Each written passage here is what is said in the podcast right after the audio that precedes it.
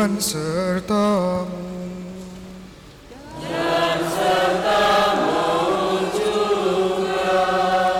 Inilah Injil Yesus Kristus menurut Lukas.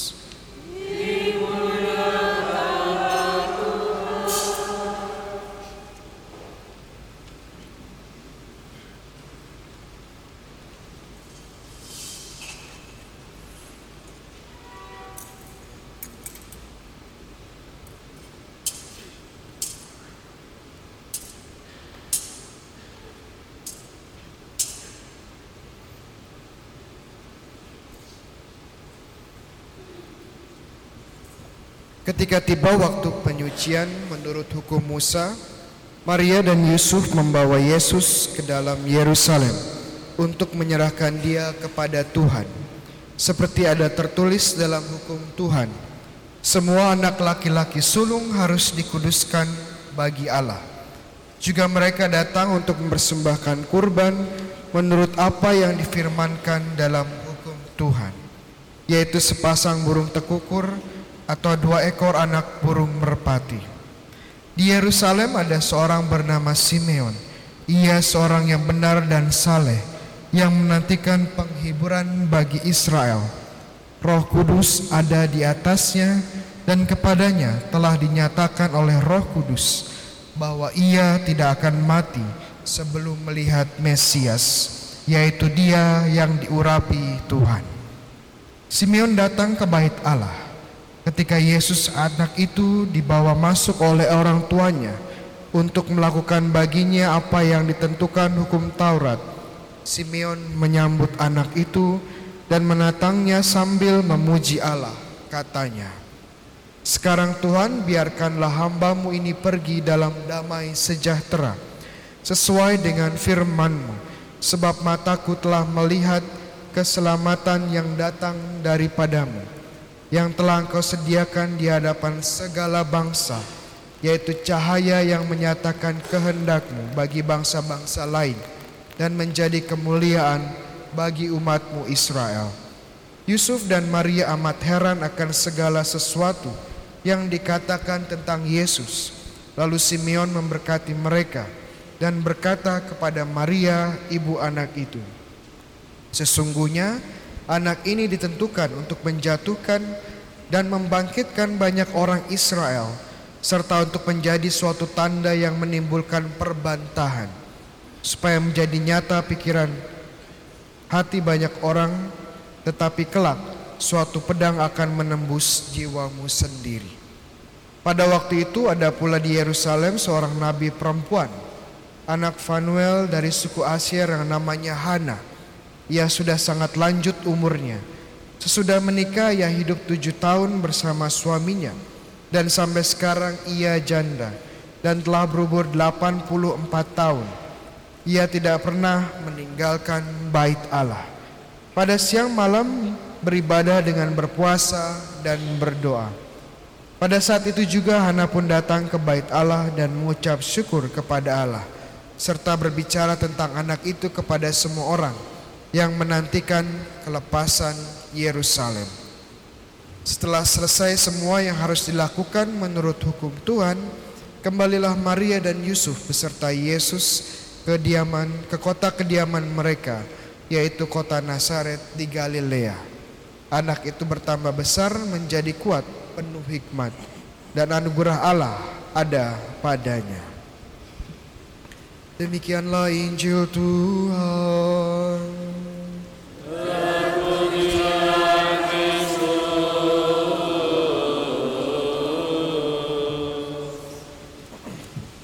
Selamat pagi semuanya.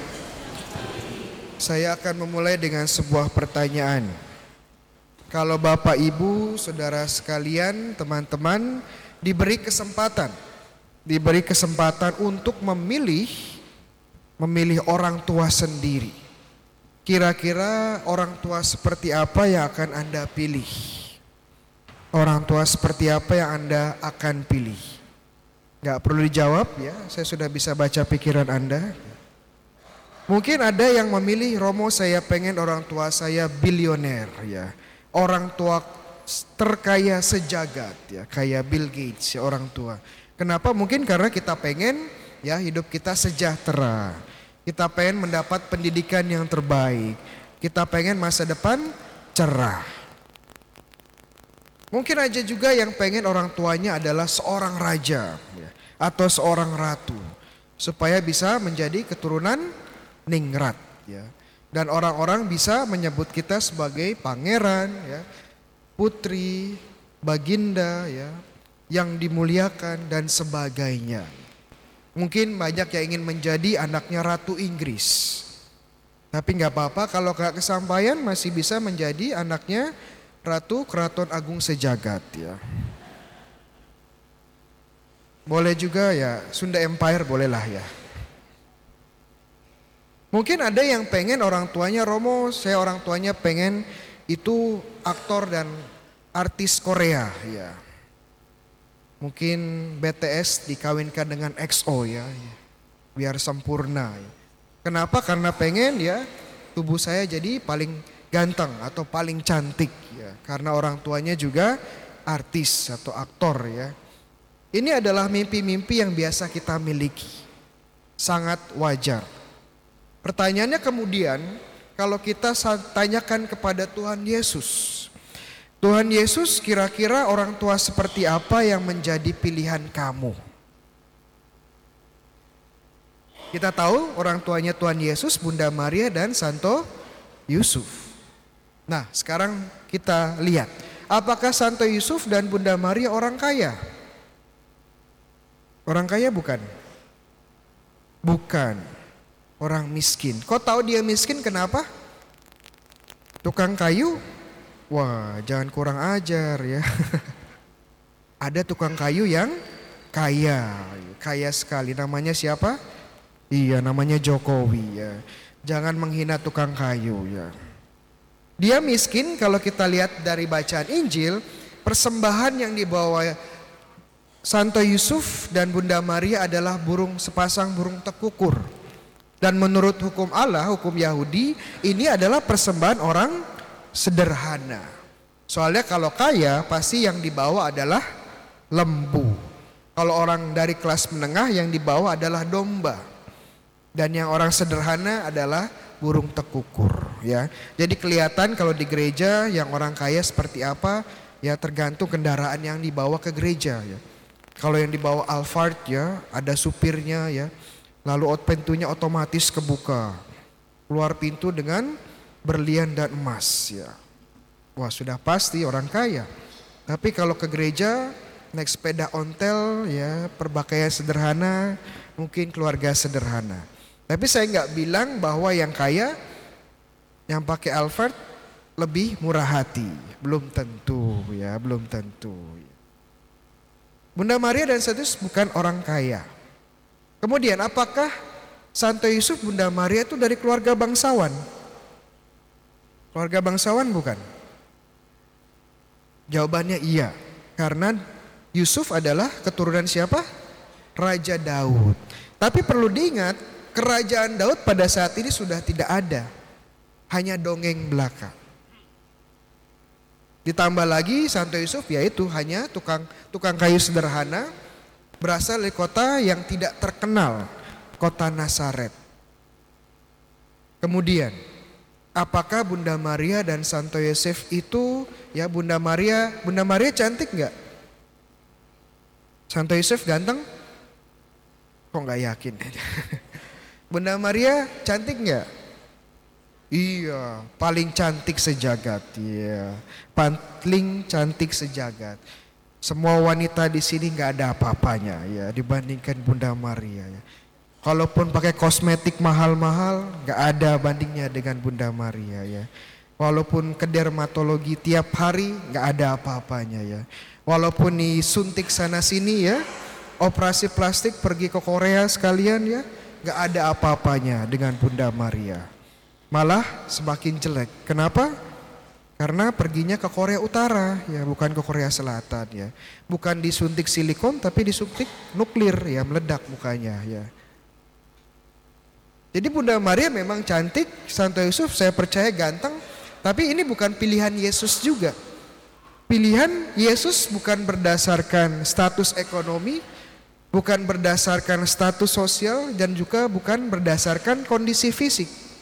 Lalu pilihan Yesus memilih orang tua itu apa basisnya? Fondasinya apa? Kriterianya apa? Kalau kita baca dengan jeli Injil hari ini kriterianya sebenarnya sederhana. Tuhan Yesus memilih orang-orang beriman. Memilih orang-orang yang mengasihi Tuhan Allah. Tahu dari mana Bunda Maria dan Santo Yusuf orang beriman dan mengasihi Allah? Gampang jawabannya karena mereka tahu hukum-hukum Allah dan setia melaksanakannya. Bacaannya ini memperlihatkan bagaimana Bunda Maria dan Santo Yusuf dengan setia menjalankan hukum Tuhan. Hari ini kita merayakan pesta apa? Ayo, yang masih bangun ya. Pesta Yesus dipersembahkan di Kenisa atau Bait Allah di Yerusalem. Pertanyaannya kenapa Yesus harus dipersembahkan? Karena menurut hukum Tuhan, hukum Taurat bisa dibaca di Keluaran 13, setiap anak laki-laki, ya anak pertama yang membuka rahim wanita itu milik Tuhan dan harus dipersembahkan kepada Tuhan. Bunda Maria mengerti ini dan dia mempersembahkan Yesus.